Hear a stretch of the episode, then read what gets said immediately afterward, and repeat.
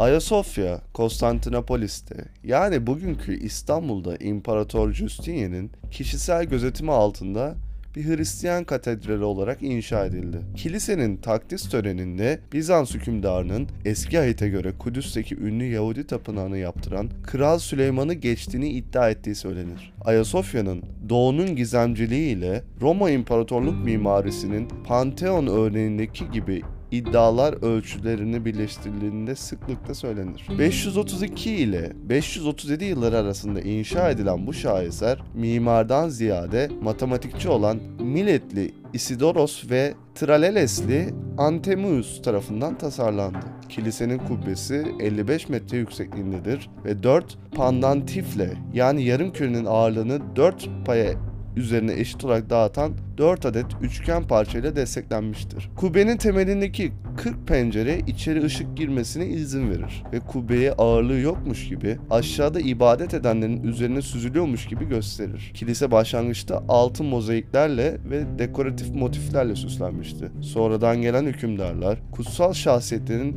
birçok resmini ekletti. Yunanca kutsal bilgeliğinin kilisesi anlamına gelen Ayasofya, yıllarca depremlerden önemli ölçüde zarar gördü. Başlangıçta Bizans İmparatoru şahsi kilisesi olan Ayasofya, Osmanlıların Konstantinopolis'i 1453 yılında işgal etmesinden sonra camiye dönüştürüldü. İnsan resimlerinin İslamiyet tarafından yasaklanmasından dolayı figüratif mozaiklerin üzeri alçıyla kapatıldı. Bugün hala bina içinde görülebilen kaligrafi süslemelerin yanı sıra yapıya 4 tane de minare eklendi. 1936'da Mustafa Kemal Atatürk döneminde bina ibadethane olmaktan çıkarıldı ve modern İstanbul'un en fazla turist çeken yerlerinden biri olan Ayasofya Müzesi'ne dönüştürüldü. 1993 yılında UNESCO Ayasofya'yı tehlike altındaki tarihi alanlar listesine aldı. O zamandan beri binanın temeli güçlendirildi ve eski mozaiklerden çok daha fazlası gün ışığına çıkarıldı. Ancak son yapılan gelişmelerle birlikte Ayasofya tekrardan ibadete açıldı ama yarı turistik olarak da hizmet vermeye devam ediyor.